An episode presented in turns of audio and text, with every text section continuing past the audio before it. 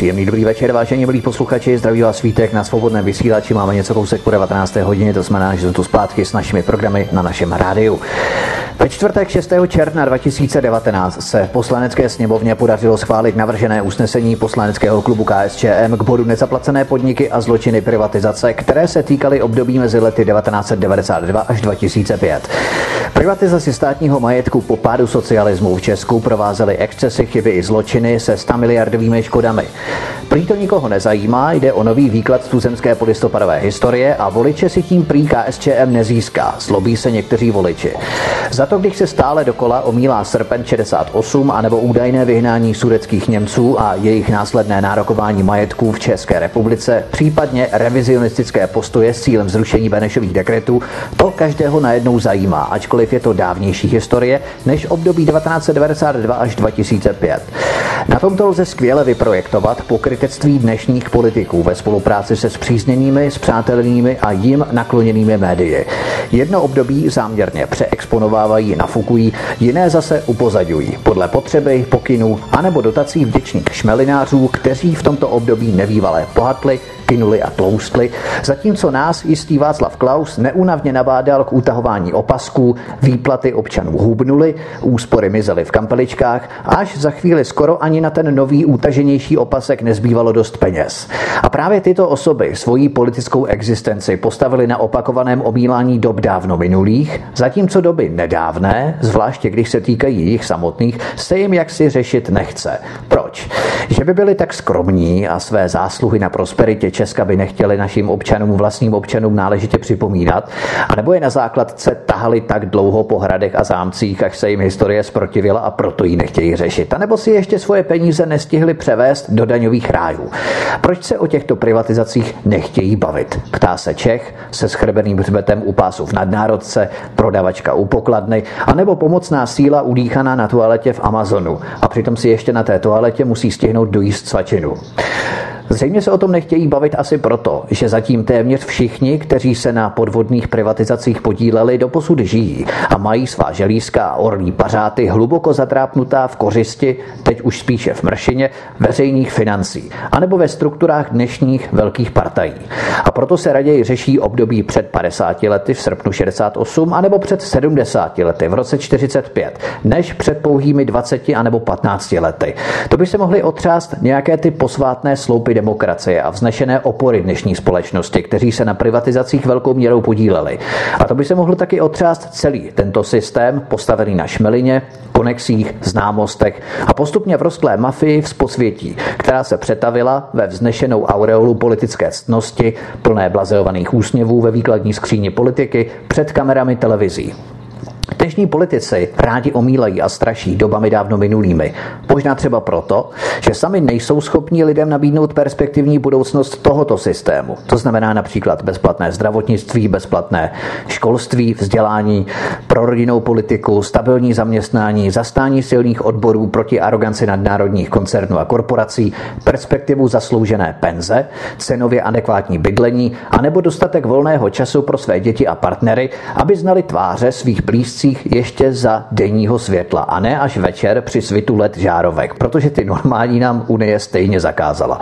A proto místo toho jenom selektivně kvíčí po vybrané minulosti, protože jinak by museli čelit nepříjemným dotíráním plebejského lidu, který začíná revoltovat proti vzpupné vrchnosti.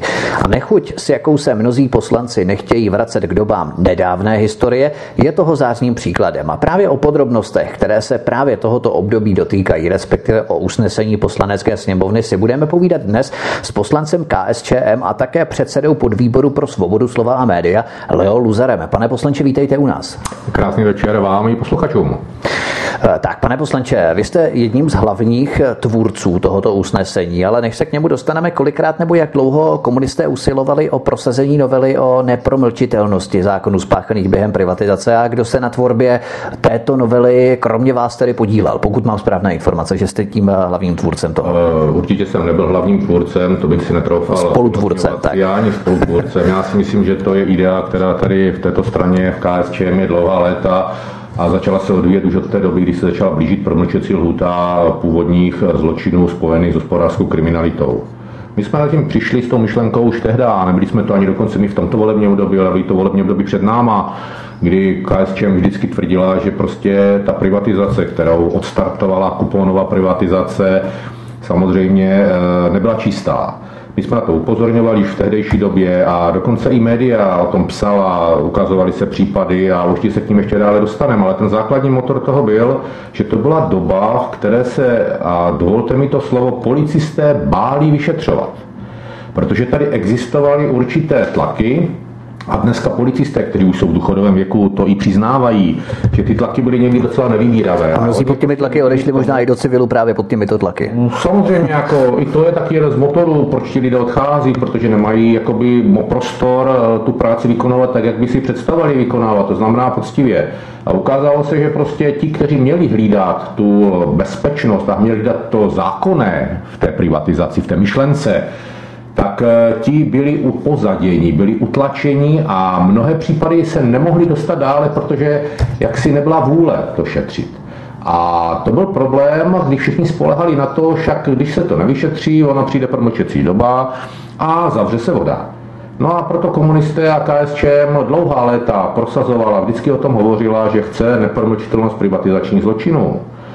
A musím říci, že pokud eh, někdo nám dneska vyčítá spolupráci s Andrem Babišem, což by velkým oligarchou a eh, miliardářem nad české poměry, tak určitě ano, má pravdu, ale v některých detailech si musí přiznat, že prostě my tady k tomuto konkrétnímu zákonu jsme tady to pomoc hnutí ANO 2011 potřebovali. Protože jestli si posluchači myslí, že by nám proto hlasovala ODS, tak toho posluchače bych rád viděl, ať mi doloží, jak si to představuje, že by ODS hlasovala proti svým vlastním bývalým i současným členům, že by se mohlo promlčet, nepromlčet to, z čeho vlastně vznikla. Čili je to i politická hra z toho pohledu se nám konečně podařilo prosadit v této konstelaci politické v této situaci tento zákon o nepromlčitelnosti privatizace, privatizačních zločinů. A já si myslím, že to docenění tady tohoto kroku teprve přijde v budoucnosti, protože ty miliardy z této republiky opravdu utekly. A to si myslím, nikdo nepochybuje. A když se ještě vyjádříme tedy k tomu usnesení a vrátíme se k té technice ohledně prohlasování této rezoluce, respektive tohoto usnesení, protože to provázely také značné komplikace. Eh, jak se vám vlastně podařilo vůbec získat podporu pro schválení takovéhoto usnesení, eh, které do jisté míry otevírá pandořinu skřínku obřích krádeží a podvodů, jak se vyjádřil během privatizací. Byla to obtížná situace sehnat podporu dnes, kdy v podstatě předtím vám tuto novelu poslanecká sněmovna zamítla, novelu o nepromlčitelnosti v prosinci 2018? Já si myslím, že ani tak velká nebyla jako problém senat podporu, protože opravdu ta politická konstelace eh, je příznivá a podařilo se ji vyvodit a díky tomu je možné tyto kroky učinit. A tady mohu říci, že vlastně možná pro některé z pravicového spektra největší překvapení bylo, že toto podpořili Piráti ale já se zase vůbec nedivím, protože mám možnost eh, být jako člen vyšetřovací komise OKD eh, součástí této komise a vnímat názory a názory třeba Piráta Černohorského tady v tomto ohledu znám a taky on se spolu podílel na dotvoření toho usnesení. Eh, rozšířil vlastně ten původní čas až do roku, myslím, 2005, jako, čili aby do toho teda i ta OKD a některé zjištění eh, spadla. Čili eh, je mi zřejmé a jasné, že prostě ano, i nová generace, která přichází, se opravdu zajímá o to, co se dělo v těch raných 90. letech v této republice. A ne, jak tady bylo naznačeno v tom úvodním slově, že prostě nikoho to vlastně nezajímá a že vlastně všichni radši zapomeňte, a je tu generace a roste a to mě osobně těší, že to je generace, která chce vědět, co se vlastně stalo. A nespolehá jenom na zázračné zbohatnutí některých lidí a prostě teďka už jsou bohatí, tak se k ním chovejte jinak. Jo. Tady tohle jsem rád, že přichází a že společnost má zájem toto zjišťovat. Jsou takové ty generace mafiánů, které v podstatě, aby si vydělali na chléb ve zdejší, tak provádějí určité machinace, které nejsou zase tak až legální, ale po těch 10, 20, 30 letech jak si vrostou a splynou s tou legalitou, s tou legální clonou společnosti, kdy už eh, potom přesně se promění z té mafie na tu ctnostnou oligarchii, aristokracii podnikatelskou, které si musíme vážit. Ano. Ale eh, ještě k tomu usnesení, abychom to rozdělili na určité sekce, tento rozhovor, možná si to upřesněme. Novela, která se začala projednávat od prosince 2018, byla zamítnutá, ale to usnesení na to též téma, čili privatizace, tak eh, ta prošla. To jsou v podstatě dva odlišné body. Samozřejmě, ale ono to bylo zamítnuto také hlavně z důvodu toho, že to, řekněme, nebylo legislativní radou vlády, v případě vládou přijato jako se legislativně v pořádku, nebo jak to nazvat, prostě je konformní z pohledu právníků. Já si myslím, že tady tímto usnesením sněmovna dala jasný signál vládě a vláda na základě toho může pověřit celý aparát ministerstva uh-huh. spravedlnosti, uh-huh. ministerstva vnitra, aby vypracoval prostě návrh, který zabezpečí nepromlčitelnost těchto zločinů. Samozřejmě není úkolem jednotlivého poslance napsat zákon, eh, který obsáhle pojmenuje tyto problémy a bude schopen je vyřešit. Toto je opravdu úkol pro skupiny lidí, právníky, kteří jsou schopni takovýto zákon napsat, protože co by bylo důsledkem? Důsledkem by byly potom soudní spory, a v těch soudních sporech je strašně důležité, aby ten zákon byl napsán opravdu precízně, aby ti, kterých se to potom bude v tom negativním slova smyslu týkat, nevyužívali těch právních klíček, které by tam nechtě mohly být a mohly by tady z osidel tady tohoto zákona vyklouznout a zůstat jim třeba ty majetky, zůstat jim to, co si nahrabali v těch 90. letech. Hmm. Ano, k tomu všemu se samozřejmě dostaneme, ale eh, to období vlastně se týká nejenom období králování ODS a také ODA, ale také po opoziční smlouvě smlouvě do roku 2005, čili ČSSD. Je to velký problém, ale musíme si říct taky, co bylo na začátku. Jestli na začátku bylo to, že každý si oblekl punčochu, vzal si gumovou masku a vrhl se do obchodu a vrhl se do banky a začal krást. No určitě ne. Základem bylo, že tady... On se nemusel brát punčocha, protože když se zhaslo, Klausovsky zhaslo, tak, byla... tak si nemusí brát Ale důsledkem toho bylo, že tady přesně byla určitá skupina lidí, která věděla, že se zhaslo, to je první podmínka, aby to prošlo. A druhá skupina lidí, která využívala klientelistické vazby. A tady již jde ten zásah politiky jasně vycítit, protože to byli lidé, kteří byli propojeni nějakým smyslem s vládnoucí, novou vládnoucí politickou garniturou, která najednou eh, byla tlačena a uviděla určité prostory, eh, možnosti a snahy něco udělat. Někdy to bylo zloupostí, že si prostě neuvědomovali dosah a byla taková ta mantra, to je oběť toho, aby jsme vybudovali kapitalismus. To jako jsem taky často slýchával. Ale z druhé strany eh, to byla mnohdy vypočítavost těch lidí, jestli začali uvědomovat, že tady se jedná o přesuny miliardových majetků a že z těch miliard kápne pár milionků, eh, to jim bylo začalo být zřejmé. A když tady obecně, člověk eh, prostě začal věřit tomu, že změna společenského řádu a že bude se nám dařit lépe. A slyšel všechny ty sliby prezidenta Havla, jak nám bude dobře, jak se přiblížíme rychle tomu Německu, jak nám životní úroveň poroste. A vrhl se do té práce, vrhl se do podnikání a snažili se jakoby eh, v té rodině a v, té stá, v tom státě pracovat, tak tu vznikla určitá skupina lidí, kteří toto jakoby neviděli, ale začali vidět ty možnosti, které se jim otvírají tím, že tady jsou klientelistické vazby, že se zhaslo, že tady je obrovský majetek, který si nikdo nedokáže ani zhodnotit, ocenit a že se prostě všechno v té překotné době jak si eh, odsouvá a oni mají šanci. A to já považuji za největší zločin. A přiznání, pomalinku, pomalinku to přiznání e, slýcháváme z těch od těch slušnějších, kteří v tehdejší době třeba na nějaké funkci byli a vnímali, co se děje.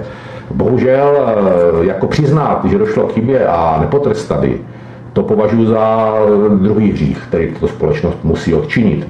Jinými slovy, je třeba se o tom začít tvrdě bavit, jak se došlo k těm majetkům, co byly ty základní chyby. K tomu třeba přispěje možná i ta vyšetřovací komise OKD, která dle mého názoru velice zajímavě popíše tu historii a ten děj privatizovaného majetku takového velkou gigantu. Co se týče právě této komise pro vyšetřování OKD, vy jste původně váš návrh, tedy usnesení datovali, jak jsme zmínili, do roku 98, ale předseda sněmovní vyšetřovací komise pro vyšetřování privatizaci těžební společnosti OKD, Lukáš Černohorský od Pirátů, o kterých jsme se bavili, prosadil, aby se původní návrh usnesení poslanců KSČM netýkal jenom převodu státního majetku do roku 98, ale zašlo se až do roku 2005. Překvapil vás tento návrh, nebo jste měl signál už předtím, že Piráti takovéto rozšíření chystají a budou ho požadovat? Nepřekvapil mě, já jsem se s Lukášem o tom bavil. V rámci komise OKD prošetřujeme různé možnosti a varianty toho, jak ještě zachránit něco pro Českou republiku. A samozřejmě i toto je jedna z možností, že nebudou promlčeny některé činnosti a kroky, které byly učiněny v minulosti. Čili ano, já jsem předpokládal a celku zřejmě bylo, že tady tento návrh přijde a že díky tomu i Piráti podpoří celkové usnesení. A i tak se stalo a za to jsem rád. A já teďka nebudu hovořit o tom, že to byli piráti, že jsou to komunisté, že to byli, nevím, aňáci. Já to beru, že to jsou lidé, kteří chtějí obecně poznat tu historii a vědět, padni komu padni, co se tehdy dělo. A aby ti, kteří na tom kynuli, kteří z toho získávali majetky a dneska se tváří jako ctihodní biznismeni, začali trošku cítit i obavu aby si uvědomili, že prostě eh, to promlčení, na které všichni spolehají, bohužel ke kterému třeba přispěl i Václav Klaus Slovadnestý, teďka Václav Klaus starší, co by prezident, to mu taky nikdy neodpustím a budu to vždycky považovat za největší zradu, které se jako prezident mohl dopustit, tak doufali, že už prostě nikdy nepřijde. Totiž eh, v rámci té plošné amnestie Václava Klause, staršího ex-prezidenta České republiky, tak tam byli propuštěni nejenom lidé, gangster eh, Miroslav Provod, například 90 fantom, ale i třeba lidé blízcí Tomáši Pitrovi anebo Františku Mrázkovi, zastřelenému bosovi podsvětí a tak dále. To znamená, že eh, to jsou velmi kontroverzní amnestie celoplošného charakteru František Chvalovský a další. Nicméně, co se týče těch hlasování ještě, než přejdeme k té samotné rezoluci, na tom hlasování, na to hlasování se dostavilo 120 123 poslanců z 200 a hlasovalo 108 z nich, z těch 123 poslanců vedle poslanců KSČM. A nakonec to usnesení podpořili zástupci ANO, ČSSD, SPD, Piráti a někteří nezařazení poslanci, například Luboš Volný, Ivanka Nevludová, Marian Bojko a tak dále. E, třeba 15 členů hnutí ANO bylo omluveno e, ODS, tak to samozřejmě víme, že ti nehlasovali.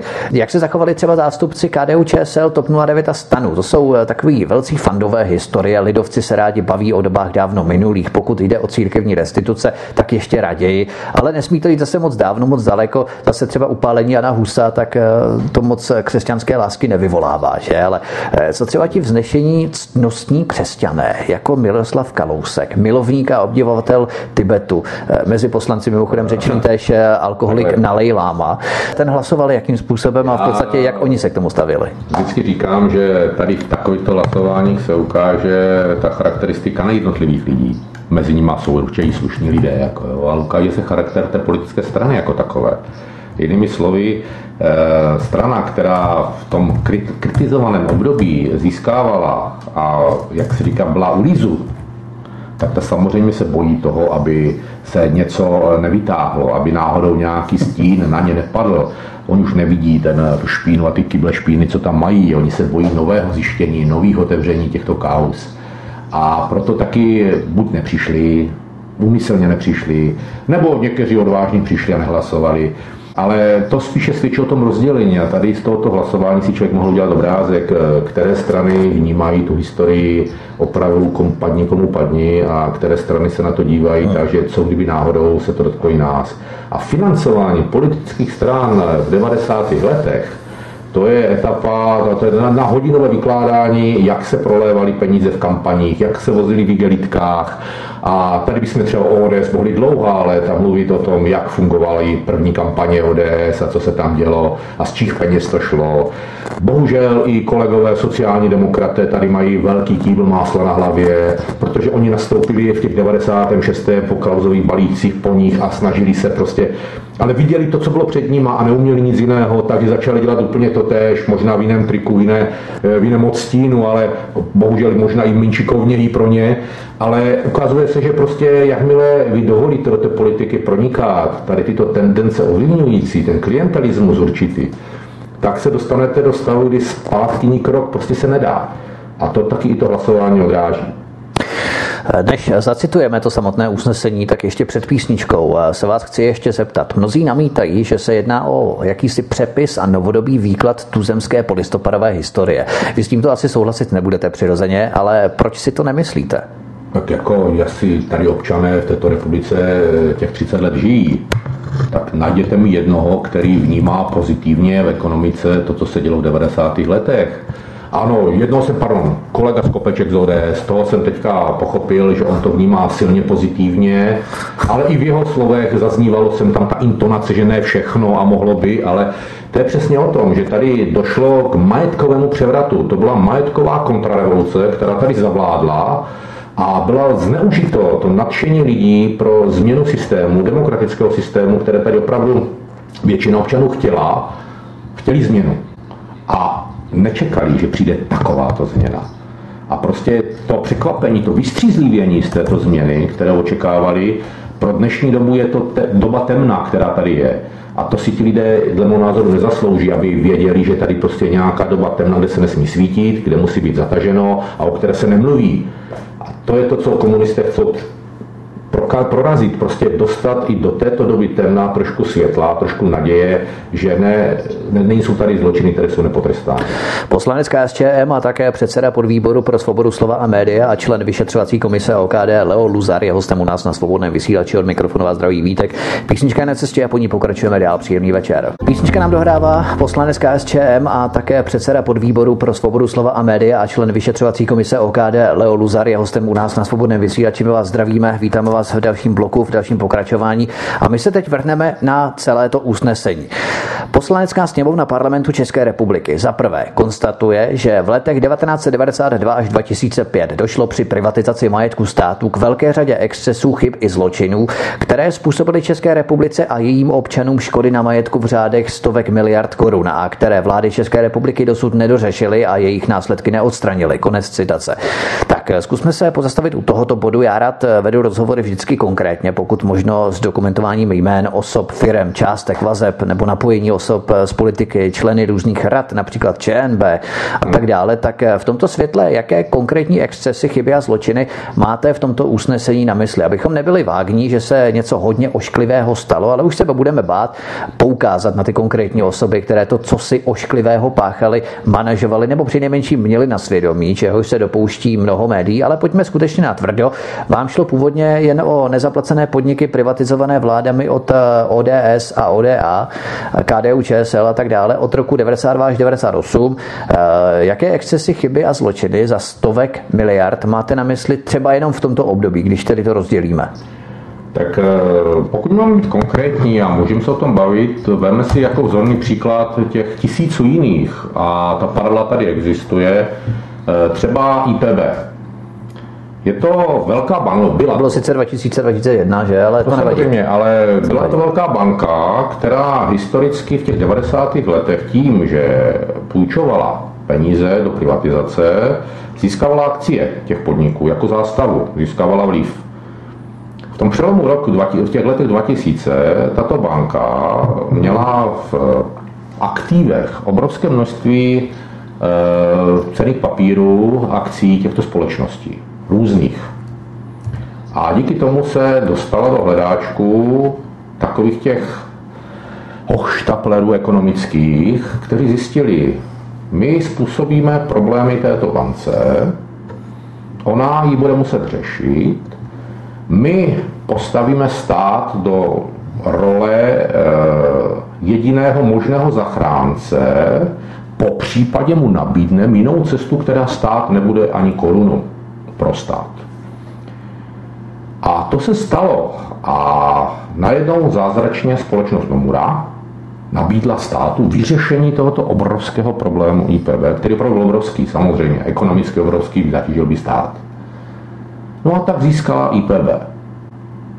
A součástí toho IPB byly akcie plzeňského prezdroje. A obratem, obratem opravdu té otázky možná dnů, možná nevím, hodin toto prodala, ty aktiva plzeňského prazdroje a získala miliardy zpět. Čili vlastně dáreček. A tento model, který teďka jsem popsal jako v konkrétním případě, byl docela často používaný. Jinými slovy, byl napsán privatizační projekt, který hovořil o nějakém majetku v podniku. Na základě toho se stanovala cena, efektivita a tak dále, tam na to ty tabulky nějaké byly. Ale již se zapomnělo říci, že ten podnik vlastní třeba nějaké nemovitosti. To se pravda jako soubor. Ten podnik má nějakou imaginární hodnotu. Ale třeba vlastnil, nevím, barák na Václavské náměstí, na který se zapomnělo. A kdyby se ho vyčlenilo zvlášť, tak hned tam 100 milionů navíc. Ale to tam nebylo.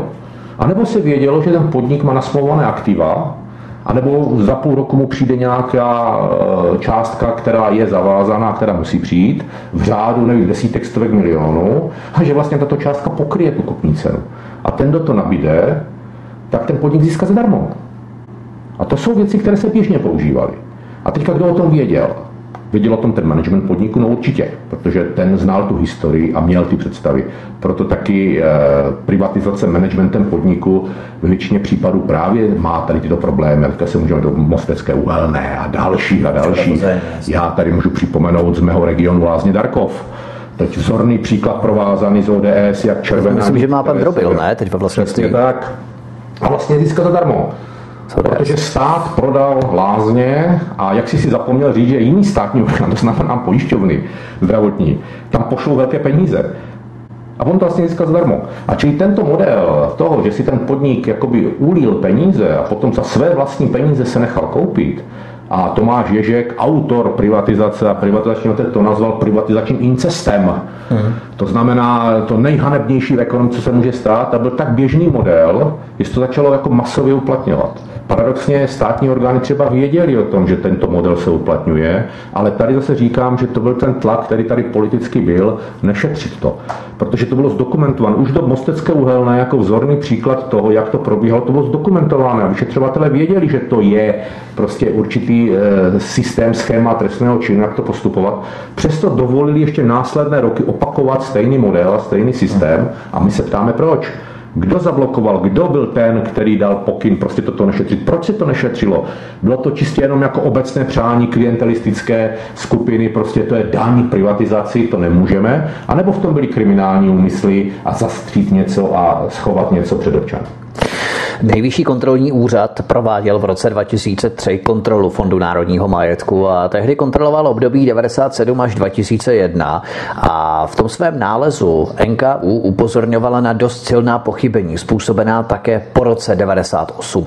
Kdo zodpovídal za tyto excesy, chyby a zločiny? Kdo byl garantem těchto systémových procesů, které jsou definované jako v podstatě největší přesun veřejného majetku do soukromých rukou v období po Bílé hoře, bychom to mohli nazvat? Uh, tady odpovím celku jednoduše, jestli něco můžu vyčítat eh, ODS jako politické straně, teďka nechci říct jednotlivým lidem ODS, ale politické straně ODS, tak je to právě to politické směřování tohoto procesu.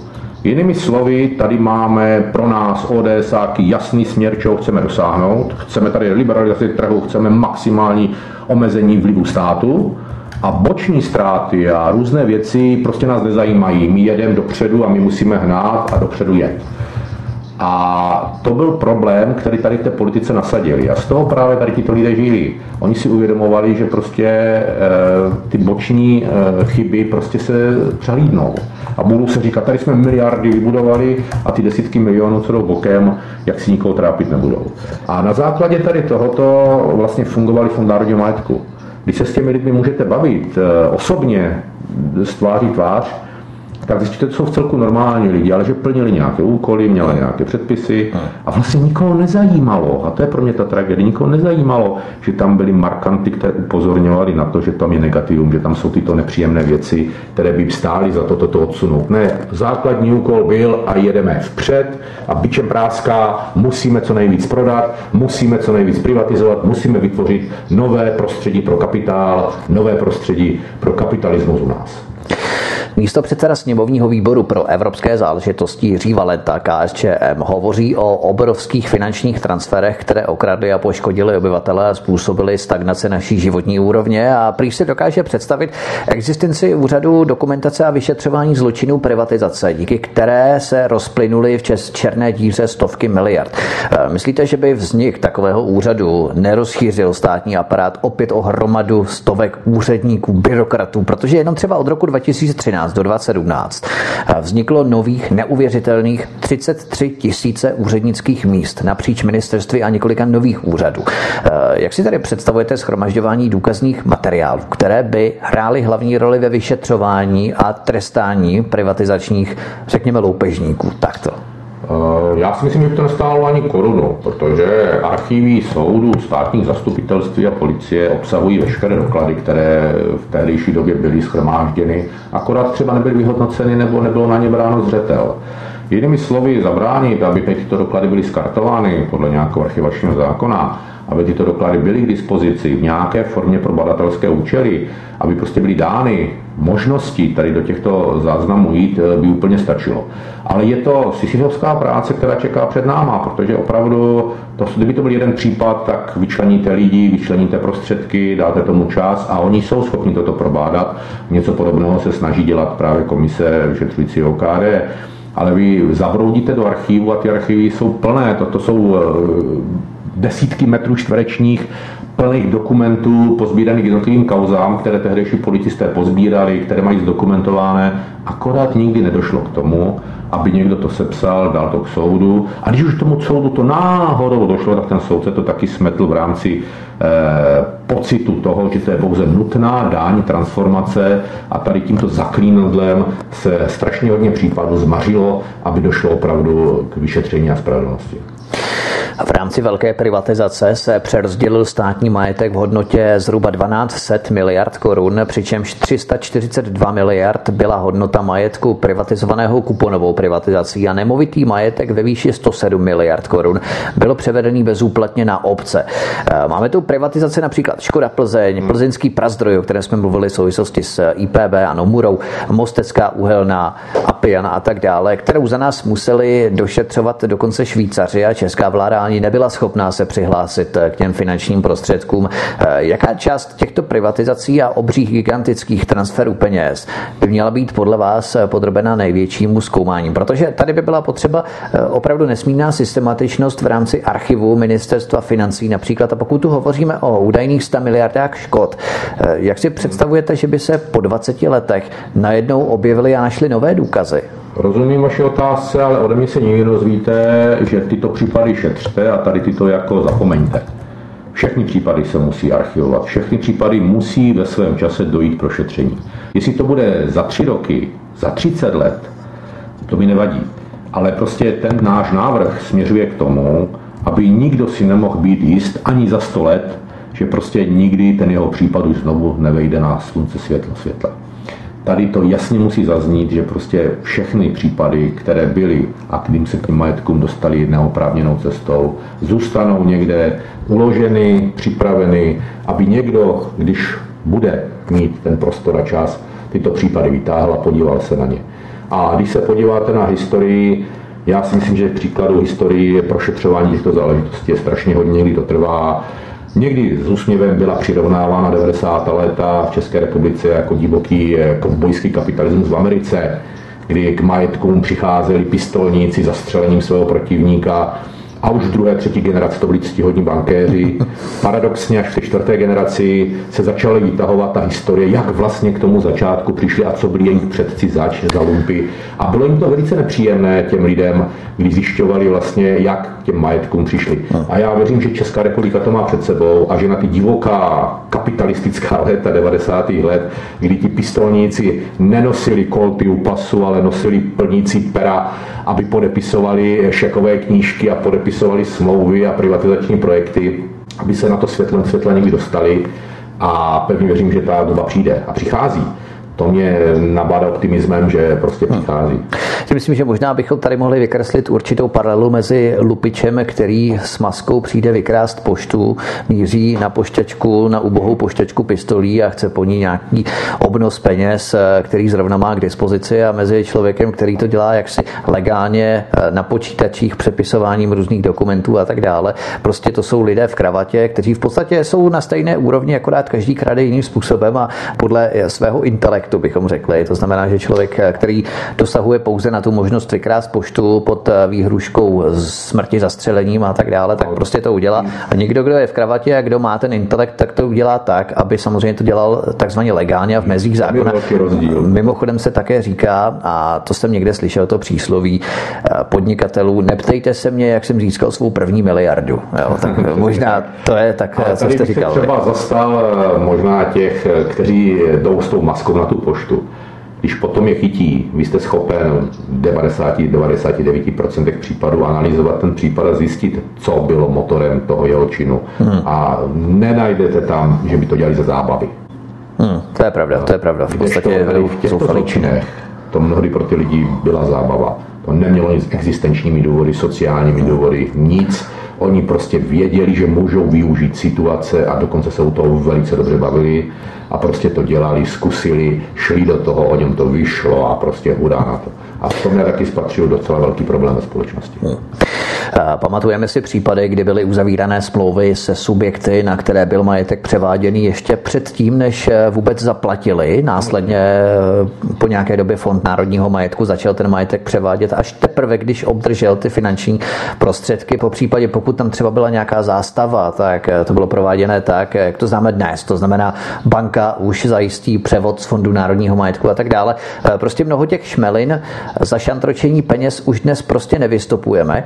Mnohokrát byly reinvestovány, mnohokrát se otočily, tak vůbec ten původ peněz je možný už dnes nějak vystopovat, protože já se pořád dostávám k tomu, jakým způsobem opravdu je možné, eh, jak si jasně tu vinu dokázat těm lidem, kteří se na ní podíleli. Měl jsem možnost se bavit eh, s určitými bankéři z tehdejší doby, eh, zase to souvisí s vyšetřovací komisí OKD, ne, že bych je osobně znal. Uh-huh a oni uvedli mimo protokol ve volném rozhovoru prostě zajímavou myšlenku, která jako obna, obnažuje ve své nahotě jejich uvažování.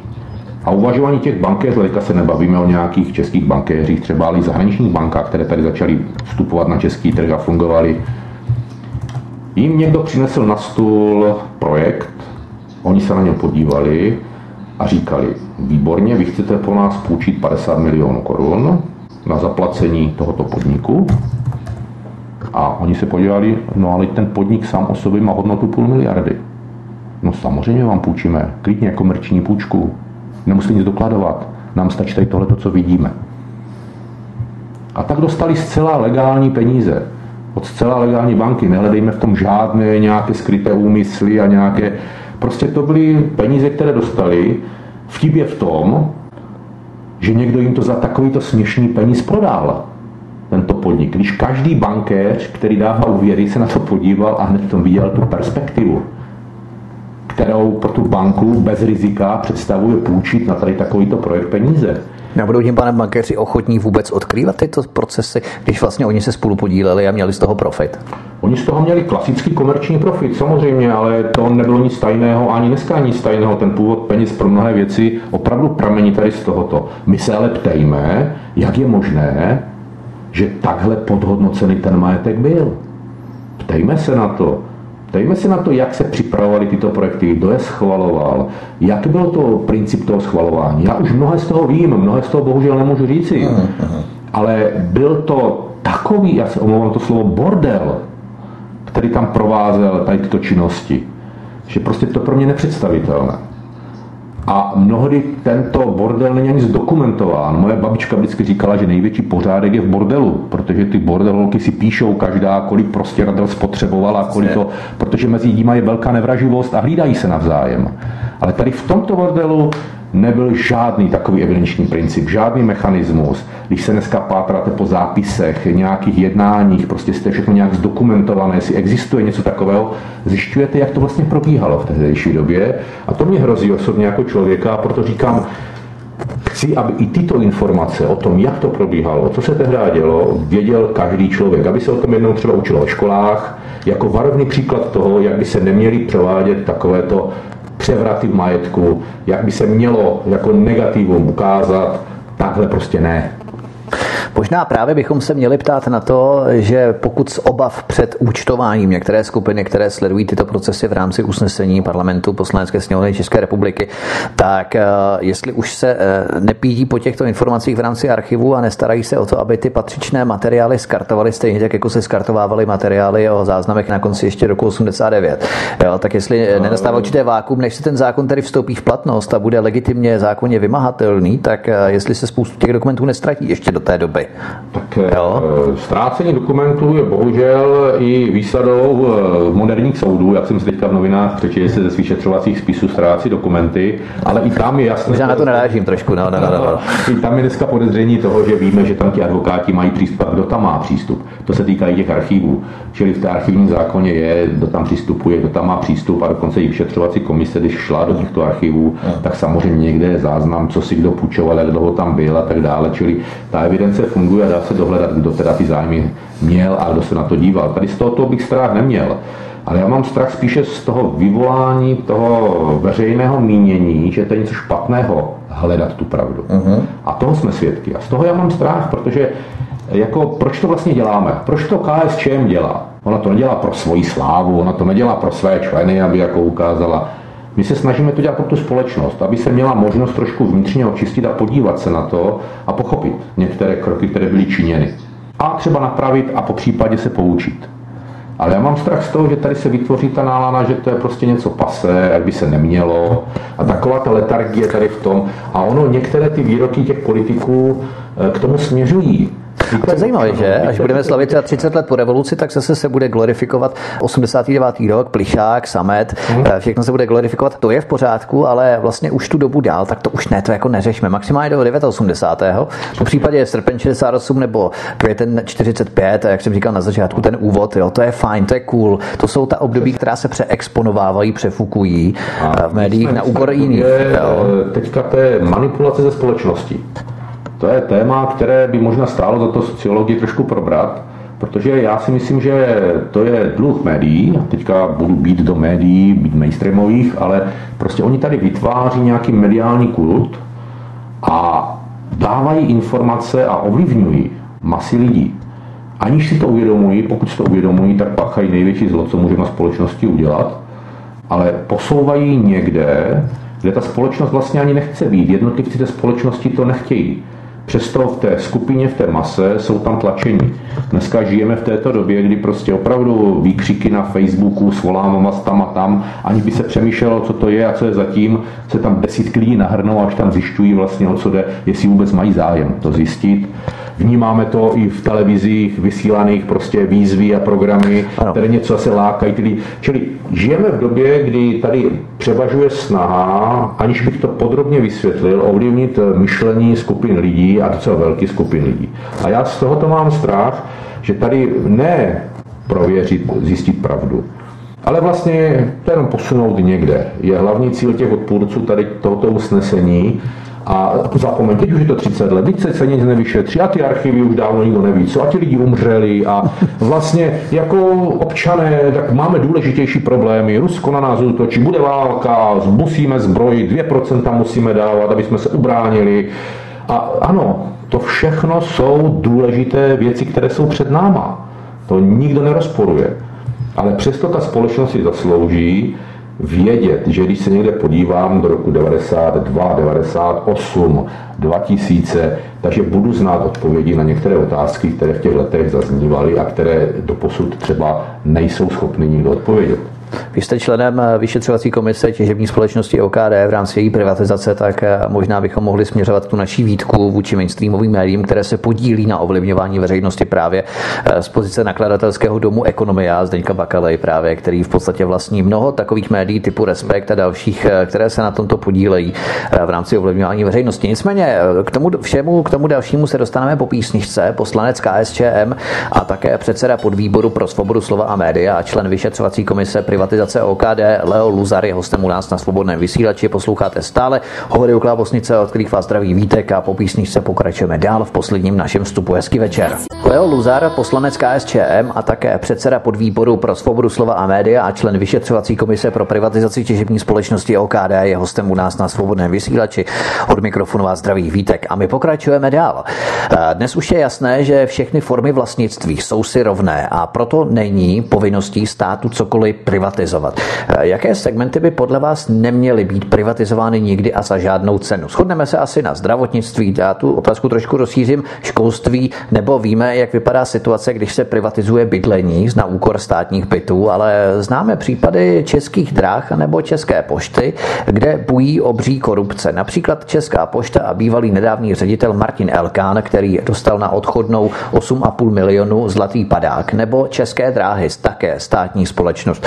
Které jsou sice státní, ale jsou dražší než mnozí soukromí autobusoví přepravci například. Navíc s tím komfortem se absolutně nedají srovnat staré plstěné nebo odřené koženkové sedačky, rozpadající se stolky jako šef kupé nebo koše a okénka, která nejdou otevřít a nebo zase zavřít. Prostě hotová tragédie. Zrovna minulý rok jsem po delším čase měl rychlíkem Praha Lovosice a prostě úplný otřes co do komfortu. Jo. Tak proč vlastně stát, který si ponechá něco ve svém vlastnictví, není schopen zajistit srovnatelný komfort třeba například v přepravě a nebo s doručováním balíků, také velká kapitola eh, jako soukromí přepravci nebo soukromí kurýři. A to právě vytváří legitimitu těm lidem a s pravicovým smýšlením většinou tedy, kteří říkají, že jediné východisko je privatizace, protože stát není schopen docílit těch podmínek jako soukromý eh, vlastník. Otevřeli jsme teďka asi čtyři témata, které každá by na 20 minut určitě dala, ale zkusím to shrnout eh, jednoduchými myšlenkami. Lidé, kteří pamatují tě 90. léta, znají výraz králíkárny. Hned mi řeknou, kdo to řekl, proč to řekl, jak to řekl. městě, že? Ale znají i výraz rodinné stříbro. To taky. A přece v 90. letech bylo označení rodinné stříbro právě pro podniky a oblasti, které by si stát měl nechat a neprivatizovat. Na to ti lidé slyšeli tehdejší doby a říkali, dobře, tak oni to myslí dobře s touto republikou. Si eh, pod tím dojmem to podporovali, že potom z toho rodinného stříbra začal někdo vylupovat tam lžičku, tam vidličku, tam si nožíky a celou příborovou sadu zebrali. To už se nedalo tomu zabránit, protože ten pojem rodinné stříbro byl vhodný pouze do začátku. Aby se oblbli lidé a věřili, že tam je nějaká vrchnuška, která ví, že to rodinné stříbro ten stát potřebuje. A potom jsme byli svědky eh, té masivní privatizace těch, co přišli po těchto lidech, a jak si se necítili být vázáni a po případě říkali, je překonané, nové ekonomické modely a nové směry ekonomiky nám říkají, že toto je zbytečné, to si nenechávejme, jeďme někde jinde. Tady se ukázal ten problém toho klientelismu eh, v plné nahotě eh, u těch strategických surovin a podniků v tom, že stát, aby zabezpečil eh, nedělitelnost nebo nestracení majority v těch podnicích, je rozdíl mezi obce. To je třeba případy toho OKD, tolikrát citovaného, ale nejenom, to je více oborů činnosti, které dostali obce do svého výjimku. A teďka si představte imaginárního pana starostu, který má v rámci své obce, ve svém majetku akcie nějakých vodáren, kanalizací a jistě si mnozí lidé vzpomnou na další podniky, na Ostravsku třeba to OKD. A teďka za nima přijdou lidé a řeknou, tak starosto, hele, když nám je prodáš za hodnotu mírně navýšenou než na volném trhu, tak my ti dáme tady v hotovosti balík, a ty ho můžeš pro tu obci udělat a když tady postavíš ty nové chodníky, nové cesty, tak tě občané určitě příště zvolí, protože něco pro ně děláš, udělej to. A strašně hodně starostů to udělalo. A zase můžu, jestli bylo zjištné nebo z hlouposti. Prostě byla to, byl to docela masivní jev, který stát nedokázal tomu zabránit. Byť nějaké pokusy byly, přesto tady měl přijít zákon, že akcie, které převedl stát na obce, jsou nepřeveditelné dále. Mají tam zůstat, kdy se s nimi nesmí obchodovat. To se nestalo. A tak ztratil stát vliv těchto společností, pro ti brokeři, kteří to kupovali, to se přeprodávali dál, kupovali to pro nadnárodní koncerny, anebo to potom výhodně prodali těmto koncernům. A potom se starostové mohli chytat za hlavu a říkat si, proč jsme to tak levně prodali, anebo proč po deseti letech máme platit x násobně více za, to, za tu službu, za to zboží, co odebíráme, když to si patřilo nám. A tento problém v této společnosti je. Čili to je jeden okruh věcí, které tady máme, že stát ztratil vliv na to rodinné stříbro. A dneska ten stát, a to jsem rád, že KSČM je v tom v čele v těch myšlenkách, chce zpátky získávat ten vliv v těchto strategických eh, podnicích. A nejenom hovoříme často o vodě, ale nejenom třeba o té vodě, ale my chceme, aby zůstala ta česká pošta zachovaná. Protože my víme, už dneska víme, že nejsme schopni, že žádný soukromník nepůjde zajišťovat dodávku eh, pošty do nějaké samoty v lese, anebo to bude tak strašně drahé, že to člověka zrujnuje, nebo to stát bude muset stejně doplácet. Ano, ale jak zajistit ten komfort v rámci České pošty, aby se vyrovnala právě těm soukromým kurýrům, i když samozřejmě no, oni si vyzobávají ty lukrativní zakázky a to, to povinné nechávají právě na té České poště, ale právě tady máme třeba oni kradou opravdu jako straky, například i když si to třeba zakotví v, řekněme, ve smluvní doložce ohledně toho zlatého padáku 8,5 milionů korun. Vím toho zase také docela hodně, protože jsem zpravodaj zrovna tisku týkající se České pošty, tak jsem si nastudoval tu Českou poštu a je to zase na dlouhou debatu, co stálo za současným problémem České pošty. Ten tady historicky třeba až tak daleký nebyl, ale tam došlo k výpadku ekonomickému, financí, prostě Česká pošta se dostala do stavu, kdy neměla provozní kapitál, neměla prostředky. V době, kdy stát zvyšoval eh, platy, eh, zvyšoval tabulkové odměny a tak dále, či oni museli taky zvyšovat, chyběly prostředky na provoz, začali šetřit, kde mohli, začali vymýšlet hlouposti s prodejem kde čeho na poštách Můžeme se k tomu dostat, je to opravdu na samostatný příběh, já jsem schopen k tomu dodat i ty jména a ty věci, které k tomu byly, jak stál u zrodu. A paradoxně tady v tomto musím říct, že zrovna Kalousek u toho nebyl. Byli to jeho následovníci, kteří eh, se na tom podepsali a dokonce i eh, současný premiér Babiš nemá čisté svědomí, co se týká České pošty. Ale bavme se obecně o tom principu, který jsme nakousli. Co vlastně by měl stát dělat do budoucna, aby tady zůstal, nebo co si má nechat a co má privatizovat, nebo jak postupovat dále v té ekonomické rovině těchto záležitostí, tak tady je jasný přece definice.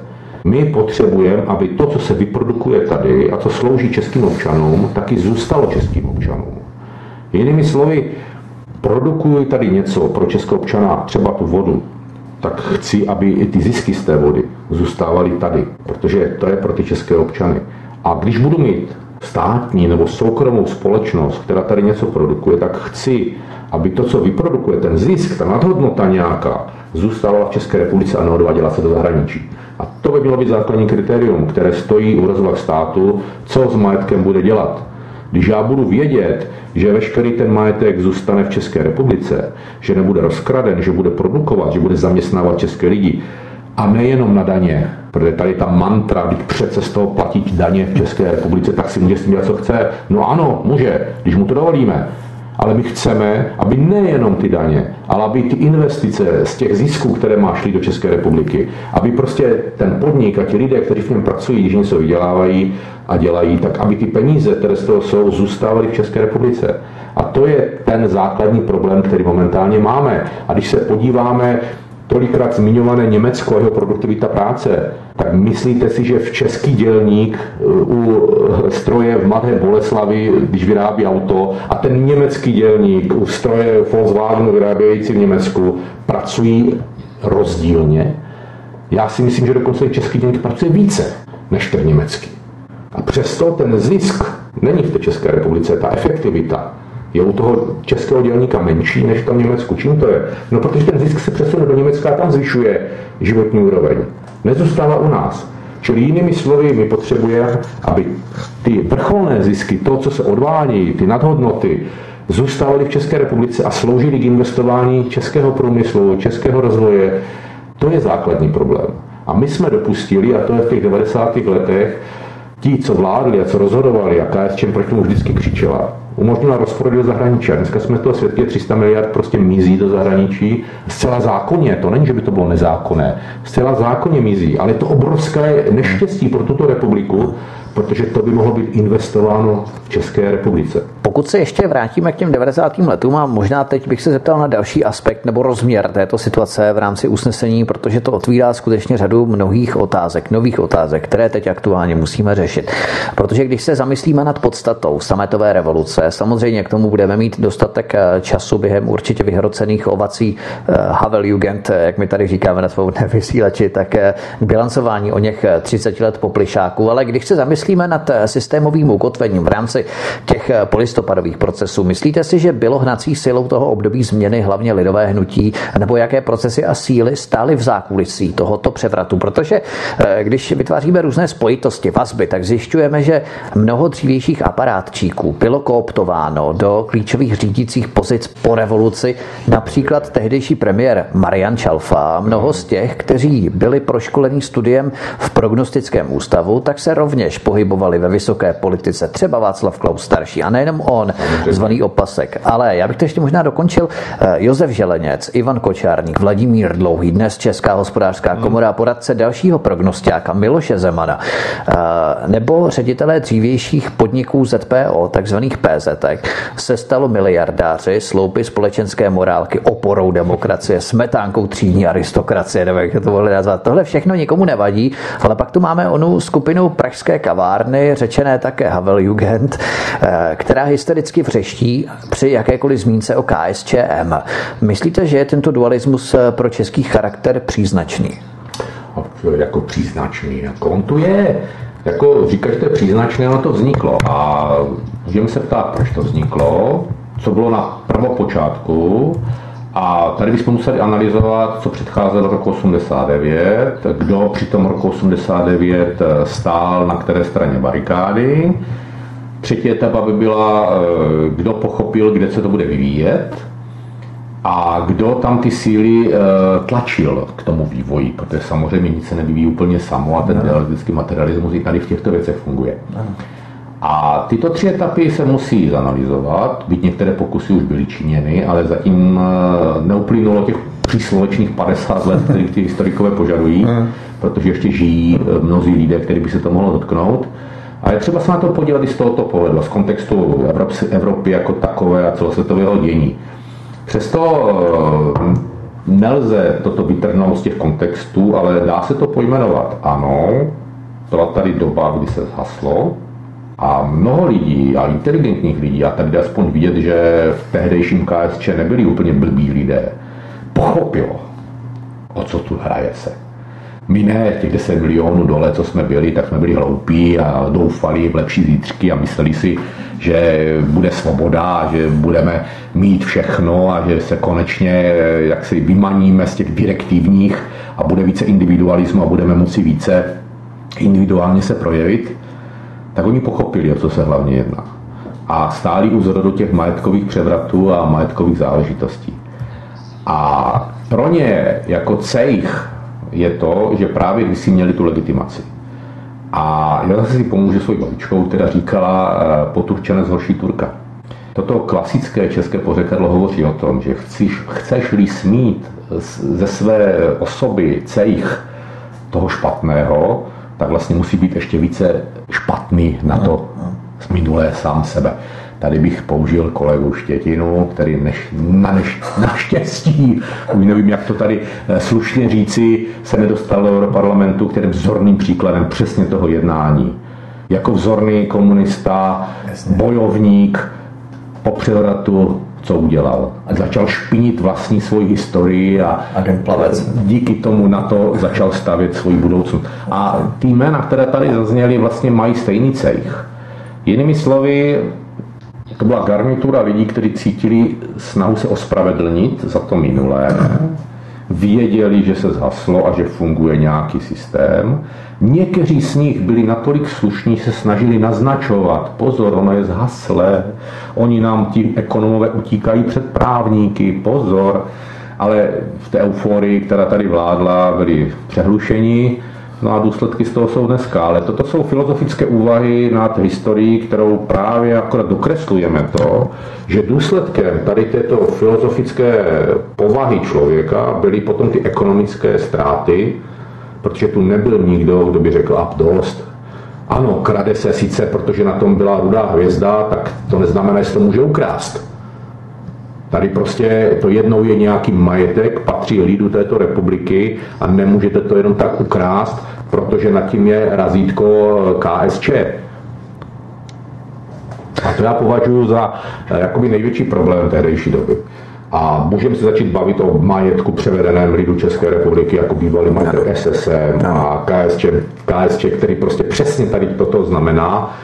A lidé toto vnímají, ale bavme se třeba o těch ekonomických problémech těch podniků. A nejenom ty velké, protože to, co se dělo ve velkých podnicích, které jsou možná nejvíc vidět teďka, tak se dělají v desítkách a stovkách malých podniků. Ano, ano, přesně tak. A ty zůstávají jakoby v povědomí jenom některým těm zaměstnancům, kteří lokálním, vzpomenou, lokální měřítku, přesně tak. Hmm. A ti ten hlas celou republikový nemají, ale taky žádají svoji pravdu a chcou vědět, co se vlastně zatím dělo. Hmm.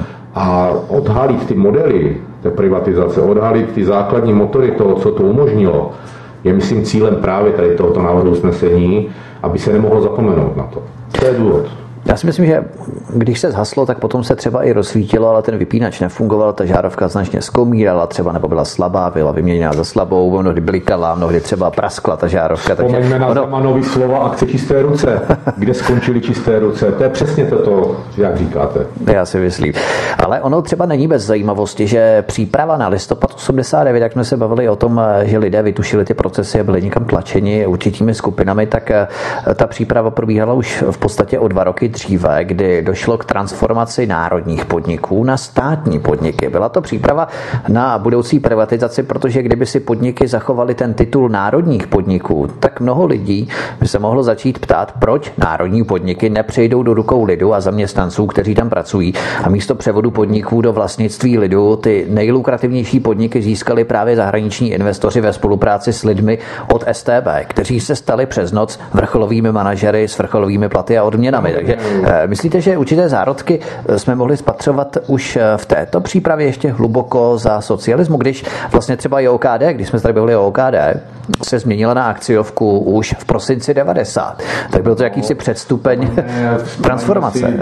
Můžeme-li se podívat, nebo chceme-li se podívat zpět na tu historii těch, toho minulého století, bo už je to opravdu minulé století, tak eh, první signály, že něco není v pořádku, nepřišly paradoxně s Gorbačovou pěrestrojkou, ale přišly z Polska. Historie hnutí Solidarita je vzorným příkladem toho, že se něco děje. A už tehdy strategové mohli začít uvažovat, eh, kam to povede. Někteří ty následné kroky v celku správně analyzovali, někteří to zastírali a snažili se jak se říká, každý rok dobrý, přežít v té ideologii těch myšlenek, které drželi neustále. Ale ten vývoj dějin šel dopředu a ukázalo se, že eh, je tady problém.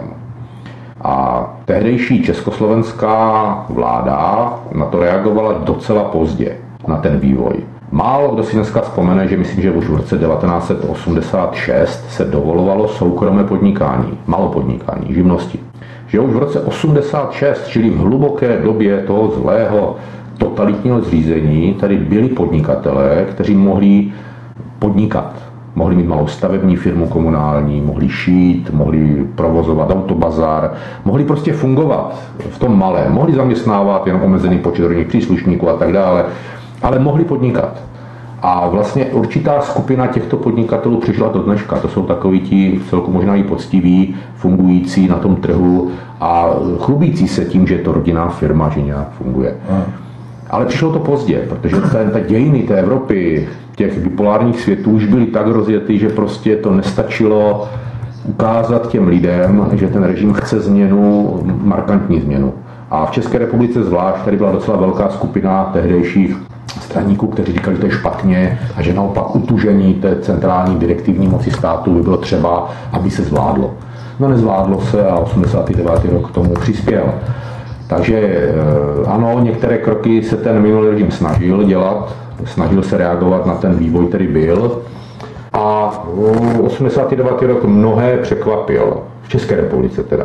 Ono se to dalo očekávat, to mezinárodní měřítko tady existovalo a ty studie k tomu existují. Z druhé strany, teďka se dostaneme do té druhé etapy, to znamená 89. rok, první jednání, hledání kompromisu. Paradoxně to bylo politické jednání, tak tam to je docela dobře zdokumentováno a známo ty rozhovory, které probíhaly mezi Marianou Čálfou a další ale eh, nastává doba, eh, která tady přivedla k moci ekonomii, eh, teďka vzor za něj je teda opravdu ten Václav Klaus starší, možná nezaslouženě, protože za ním byly desítky dalších, o kterých se ani moc neví a kteří dneska jsou právě ti multimiliardáři různě rozeseti. Hledali cesty, hledali metody, modely. A zvolili ten model privatizace, zvolili ten model rychlého nástupu kapitalismu u nás, a e, dle mého názoru tam byl zakopaný ten pes toho problému ekonomického, který dneska máme. Protože ten model postaven na tom výprodeji. A byl to velký výprodej, který v České republice proběhl, trval pár let. Dneska by to nebylo určitě možné, ale v tehdejší době bylo možné vlastně úplně vše a provedli nějaký majetkový převrat v velkém stylu. Sice se rádi zdůrazňuje to, že se vraceli podniky bývalým vlastníkům a tak dále. Ano, s tím můžu souhlasit, pokud ti vlastníci v tom podniku opravdu měli pracovat. Ale zase už to bylo nějakých 40 let a tak dále, čili tady se mohly hledat třeba jiné metody, ekonomické náhrady toho a tak dále, aby ten podnik fungoval protože většinou tyto podniky, které byly vráceny těm původním, historicky původním vlastníkům, nebyly vráceny těm vlastníkům, byly vráceny jejich potomkům. A dneska velké většině tyto podniky neexistují. Prostě ti vlastníci, kteří jen rychle nabili, nevěděli, co s nima. Nikdy na to nebyli připravováni, neuměli s tím. Prostě oni ho přivedli ke krachu, někteří ho prodali, ten podnik sice možná dneska existuje, ale má vlastníky úplně jiné. Byl to problém, který se tady objevil, nějak byl vyřešen, chyba, jede se dál. Potom tady byly ty podniky a ty e, myšlenky, eh, jak rozdělit v úvozovkách, rozdělit majetek, aby k tomu mohli přijít i ti ostatní. A teďka se tady objevuje na, v tehdejší době na trhu nabídek nějaký pan Viktor Kožený, paradoxně nějaký pan Bakala a další, kteří si přislovovali právo být poradci. Když se podíváte na historii Zdenka Bakaly, jak fungoval jako poradce na ministerstvu, jak nějaký minister s ním vyrazil dveře, protože ten člověk nic neuměl, ale on pochopil, jak to funguje, začal znít, znát ty klientelistické vazby, které v tehdejší vládě fungovaly a začal se docela dobře orientovat. To je přesně ten model toho, co se tady stalo, když tady přišly skupiny lidí, zvenčí, které měli nějakou zkušenost a měli nějaký malinký kapitál, ale věděli, jak se v tom chodí. Poznali tím, že byli vítáni jako ti přece, kteří přišli z západu a ta, ta móda, kdokoliv přišel spoza hranice směrem ze západu, tak byl vítán jako osvícený guru, který tady nám určitě poradí a řekne, co má dělat. Tak tito lidé nastavili ten model kuponové privatizace v té myšlence toho, že tady prostě já získám akcie. Obyčejný člověk se nedokázal představit, co dostává v té kuponové knížce. Protože tady najednou byly na tu obrovské množství podniků, akcie a nikdo s tím nevěděl, co a jak až přišel Viktor Kožen a nabízl jistotu desetinásobku. Ti, co to zažili, mi dají za pravdu, co to znamenalo ve společnosti, v té masivní reklamy jistota desetinásobku. A jak se kuponová knížka, která pro každého představovala kus papíru, kde jsou nějaké akcie podniků, které v životě neslyšeli, jak na tom ekonomicky jsou, byla vyčíslena nějaká hodnota, nevím, 30 korun za akci a podobně, že si prostě jakože nakoupí tyto podniky. A věřili, že to je přesně jako to, že ta hodnota je takhle obrazem. Ale oni neviděli ten druhý krok tady těchto lidí, kteří založili fondy. Tady byl největší únik finanční a toto považuji za největší problém, který to zkrát dokonce i je zdokumentován. Historikové se tím také zabývají, kteří studují trošku tu ekonomiku. Že tady vznikly majetkové poměry lidí, kteří založili fond. Ti dikové, ti obyčejní, kteří měli tu knížečku, jim za pakatel svěřili tyto fondy aby s ním hospodařili, protože já neumím hospodařit s nějakým velkým podnikem, který jsem si koupil akcí, ani nevím, co vyrábí. No. Tak jim to svěřili. A tady si stát nepohlídal, aby oni s ním pouze hospodařili, aby to nevlastnili. A tady v určitém okamžiku ekonomické dějin nastala doba, kdy ne, že ti dikové vlastní ty podniky, každý jednu tisícinu, miliontinu toho podniku, ale najednou ty fondy které to jakože měli svém portfoliu, se prohlašovali za vlastníky a začali manipulovat a obchodovat s těmi majetkovými podíly. Tohle byl ten předěl, který dokonal to tunelování té české ekonomiky, který dokonal ten majetkový převrat, který tady nastal. Samozřejmě můžeme začít teďka rozebírat jednotlivé podniky, jak tomu šlo, ale to není až tak účelem, no. to je opravdu pro ty historiky, kteří se tím budou zabývat a budou to zveřejňovat. Ale ten model tady je jasný a daný. A dneska se nám tito lidé smějí. A to je ten problém, který já třeba vnímám. Jo. Proč už dávno ten Viktor Kožený není u nás zavřený v české věznici? Proč se nám z těch bám neustále směje? Paradoxně stejný model, který chtěl uplatnit v Česku, úspěšně chtěl uplatnit v Azerbajdžánu, tomu to nevyšlo. Už byli poučeni a už se podívali, jak to dopadlo s tímto člověkem v Česku a pohnali ho k odpovědnosti a k soudu. Ale ten problém, ten princip, který v tomto je, a když se podíváte, kdo ze začátku vlastnil nebo různé fondy Trend, a nevím, PP, a nevím, co to ano. nebudu ani jmenovat, Schreiber a další, prostě to jsou desítky jmen, které zaštiťovali, mediálně zaštiťovali tyto fondy. Mnozí z těch chudáků to byly nastrčené figurky, které měly jenom mediálně dát jakoby důvěru tady těmto fondům. Ale tady nastal ten základní majetkový převrat, to základní, ta základní zlodějina tehdejší doby. A z těchto fondů vznikly ty největší boháči, kteří dneska ovládají Českou republiku, ty největší jména, které používáme a jmenujeme. A to jsou ti, kteří vlastně mají ten osud té ekonomiky České republiky v hrsti. Někteří z nich se můžou chovat slušněji, někteří z nich jakoby drží tu ekonomiku a fungují tady, někteří jim to úplně jedno, mají své domíny a kdekoliv jinde ve světě. A to je o to, aby si ten český člověk to uvědomil. Že ano, existují tu konkrétní zloději a potom je tu celé to zlodějské prostředí a to, co se tady stalo. A kdo za to může? No a tady je ta zodpovědnost politická. Někdo ve své době, vláda, která tehda vládla, umožnila tady tyto převody, umožnila vznik tady těchto fondů, umožnila jejich nezřízený růst a hospodaření s tímto majetkem, aniž by připravila zákony a připravila zákonný rámec toho, aby to nemohli dělat. Aby nemohli nabývat majetek, který vlastně nepatřil. Oni byli pouze správci toho majetku. A ona umožnila vyvádět tyto majetky, umožnila obchodovat. Druhý moment, který tady je, je, že vlastně ti lidé najednou zjistili, že mají obrovské zisky. Nepředstavitelné peníze, které můžou čerpat. A ne čerpat do fondu a ukládat do banky pro ty chudáky střádali, pro které oni to hospodaří tady s tím majetkem, ale miliardy, které tady jsou volné, nikdo nich neví vlastně svým způsobem. A tady udělal stát druhou chybu a umožnil anonymní akcie.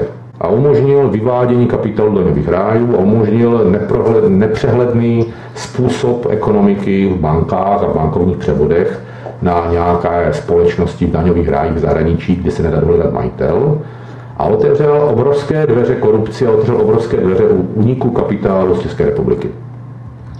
To byl takový druhý moment, který tady v této společnosti zavládl. A my jsme se dostali vlastně do raného Chicaga 30. let a lihové prohybice, kdy z jedné strany tady nic nebylo a z druhé strany z této republiky utíkaly obrovské peníze mimo. Ani nevěděl ke komu. Dneska se horko těžko snažíme dohledávat, kdo vlastně za těmi kyperskými a jinými fondy a penězi stál dokonce i nějaký ty Panama Papers tady se objevují a ukazuje se jako česká jména, které tam jsou a kde ty peníze utíkaly, kdo z nich získával provize a tak dále. Ale to už je kriminální pozadí tady tohoto. Bohužel my jsme si to udělali jako vláda, tehdejší doby to udělala a dneska se k tomu nehlásí. Slyšel jste někdy, že by se ODS nebo ČSSD, která tehdejší vládu má na svých bedrech, a teďka nebudu rozlišovat, protože opravdu tady ta opoziční smlouva prodloužila tu agonii, ekonomickou agonii. A to, pokud něco vyčítám Miloši Zemanovi, chápu politickou realitu, to se asi uvědomí, ale tomu vyčítám, protože je to problém, který tady zapsadil, že ti lidé, kteří prohráli volby, to znamená ODS v tehdejší době, pro většinu lidí, kteří je nechtěli volit a zvolili sociální demokracii, aby změnila to špatné, co tady bylo, to už tehdy lidé viděli, že to je špatné, tak vlastně to opoziční smlouvu je tam zabetonovala na další čtyři roky.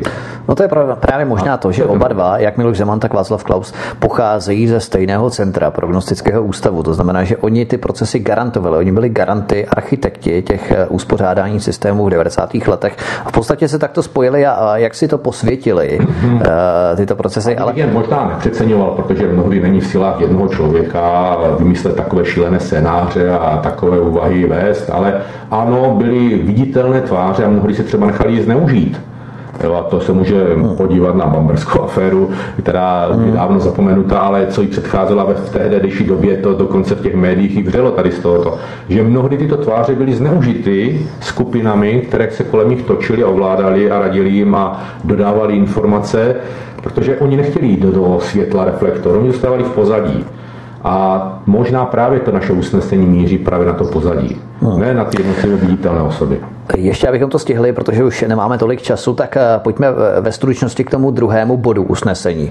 Za druhé, žádá vládu České republiky zpracovat a navrhnout účinnou změnu trestně právních předpisů tak, aby bylo možné takové zločiny způsobené při privatizaci dále stíhat a potrestat, aby nedošlo k jejich promlčení, včetně posouzení, zda nedošlo v určitém období k situaci, kdy promlčecí doba ani nemohla být běžet. Konec citace. Tak eh, kdo všechno by měl spadat pod tu trestní zodpovědnost za excesy, chyby a zločiny při privatizaci? Protože jedna skupina byla ta skupina nebo tou skupinou, která kradla, jednoduše kradla, tak na tu se dá snadno poukázat. Ale potom je tu druhá skupina, skrývající se v jakési šedé mlhovině, o čem jsme teď mluvili, ti v zákulisí. A to jsou právě ti lidé z toho českého deep stateu, jo, kdybychom to mohli připodobnit. Lidé, kteří byli za oponou, tahali za nitky, buď přímo byli spolčení s těmito loupežníky, řediteli podniku, PZkářů, kteří měli vypěstované konexe v podnicích, anebo kámoši z vnitra, kteří si vybudovali nevím, bezpečnostní agentury a odnesli si cené spisy STB ještě, anebo se jimi nechali korumpovat, případně vydírat. Ale všichni nad tím benevolentně přivírali oči, tolerovali to a dovolovali to. Jaký díl tedy spoluviny by měli nést všichni takoví politici, náměstci, členové výborů, vysocí státní úředníci, konkrétní vyšetřovatelé, policejní šéfové různých nevím, protikorupčních útvarů nebo útvarů proti eh, finanční kriminalitě, později OKFK, vysocí úředníci, správci a ředitelé podniků a hlavně představitelé justice. Eh, nebylo to prostě takové obří selhání systému, ve kterém je takřka nemyslitelné nebo nemožné označit uh, přímé ty výniky, protože určitě, určitý díl spoluviny můžeme přišknout téměř každému. Má to dvě roviny a už jsme se obou dvou rovin dotkli. A ten směr těch dvou rovin je v tom, že za A jsou tu jasně definované trestné činy, které již v době spáchání byly trestné, ne, že to jsou nějaké nové trestné činy, a ty jsme schopni dohledávat a víme, co se tehdy dělo a kdo by mohl a tak dále. Ale druhá rovina toho je, že my tady máme obrovské množství podkladového materiálu, který byl zpracován a ten se nesmí ztratit. A z toho mají právě tady ten eh, zaoponový lid, když to nazvu po česku, no. ti, co jsou schováni v tom stínu za oponou a jenom tahali za šňůrky, největší strach. Protože samozřejmě eh, je imaginární doufat, že je postavíme v nějakém monster procesu všechny do, jako obžalované.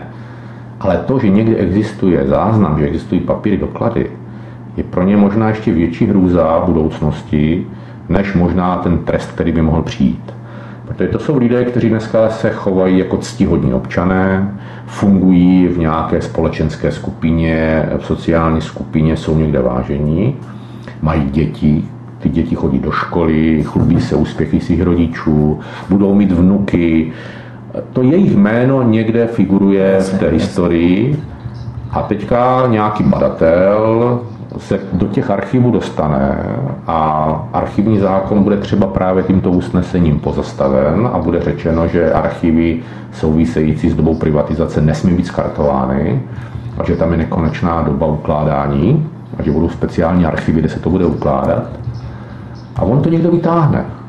A najednou zjistí, že existuje svazek z roku 92, kde se jeho jméno, jeho zácného příbuzného objevuje v souvislosti s tím a budí podezření, že prostě tam něco bylo a že fungoval tak a tak. A mnohdy je to podstatně větší trest, že způsobili svým potomkům problémy, že vlastně je zostudili, eh, možná někdy i větší. A z toho mají dle mého názoru větší hrůzu než z nějakého imaginárního trestu tři roky podmíněně odloženého na 6 let. Jako, jo. Hmm. A to je ta jedna rovina tady tohoto. A já si myslím, že i kdyby jenom tady tohleto bylo jakoby dosaženo, tak je to obrovský úspěch, protože jim se jedno o to zničit tady ty doklady, hmm. zničit ty archivy, zničit ty údaje, které jsou a z toho všichni ti lidé, kteří mají to máslo na hlavě, a je jich opravdu hodně, a jmenoval se tady, tady ten průřez těch lidí, kteří se na tom nějak podíleli, toto vnímají jako největší ohrožení, protože oni ví, že sami proti sobě svědčit nebudou. Oni moc dobře ví, že se budou navzájem krýt a že to není jenom úzká skupina, ale je to docela široká skupina lidí a že přece sami proti sobě nepůjdou ale mají strach z těch dokladů, hmm. které někde existují. To má společenský kredit, společenská prestiž, eh, která by mohla znemožnit je třeba v dalších generacích a tak dále. To znamená na základě třeba ilegálně získaného majetku právě v tu čtvrtou generací těch mafiádů, jak jsme se bavili no. od začátku, eh, těch pistolníků. Ale eh, možná ještě poslední, protože už máme opravdu málo času, tak možná ještě bonusová otázka teď trošku do současnosti. Programový celorepublikový sjezd KSČM se konal v sobotu 8. června, na kterém mhm. jste více než 200 hlasy z celkového počtu 260 delegátů podpořili pokračování vlády ANO a ČSSD. Mm-hmm. Nepodezříváte Andreje Babiše a ČSSD, že si vaší podporu zajistili zvednutím ruky pro toto usnesení v tentýž týden jen o dva dny dříve, 6. června, ačkoliv, ačkoliv to vlastně není nějak právně vymahatelné, ale oni vědí, že za pár dní pořádáte sjezd, no tak si vaší podporu lacině koupili tímto hlasováním. To si nemyslím, protože my jsme to dlouhodobě říkali, to chceme dělat a já se s Andrejem Babiše tady z toho lidomělství vůbec nepovažuji. On je jasný pragmatik, jo. když se podíváme na aktuální politickou situaci. A... No právě tohle je docela pragmatické. no, tak samozřejmě, ale je to jeden no. z dílů jako, a není to ten hlavní, jako, že bys to měl koupit, on to nepotřebuje, protože on ví moc dobře, že kdyby teďka byly vyvolány mimořádné volby, tak to je drtivě vyhraje. Protože občané, kteří ho volí, mu stále ještě věří. No a jako KSČM vnímáme tady tu důvěru těch občanů a prostě my momentálně nejsme schopni proti ní postavit programově něco, co by ho mohlo otřást té důvěře těch občanů. Ale my se o to snažíme, my to pravidelně děláme, k tomu i krom toho ta konference směřovala. A jako do budoucna přesně to je ten směr. My prostě musíme ty voliče, kteří volí, chodí k volbám, přesvědčit, že prostě toto není ten správný směr, kterým jsme se měli ubírat. A co mi třeba, když už jsme byli u té programové konference, a je to souvislosti s Andrejem Babišem, hodně vadí, že se třeba vůbec neuvažovalo o průmyslu 4.0 což je takový ten eh, žlučový kamínek, který tady může Andrej Babišovi docela velice stížit pozici toho úspěšného premiéra, toho úspěšného člověka, který přece nejvíc myslí na ty sociální dávky a rozdává, kde může protože to je oblast, která si Česká republika nevyhne, pokud nechce ekonomicky skončit špatně, a z druhé na to vůbec není připravena a ani se nepřipravuje, protože to vyžaduje úplně jiné uvažování. Uvažuje sociální uvažování, levicové uvažování o tom, jak vyrovnat to, co přichází a jak to bude postupovat. Pokud nechceme být otroky strojů, a komunistické hnutí a ideologie je postavena na tom, že tady člověk je ten, který mění a posouvá vývoj a ne stroje. A tady ta odpověď stojí před náma a tady tou se musíme zabývat a to bude to, na čem se třeba možná i s Andrejem Babišem střetnem a jasně ukážeme, že pro tuto společnost máme my lepší program než on. Možná třeba na toto téma eh, zavedeme hovor příště. Bohužel do dnešního pořadu se nám toho více nevejde.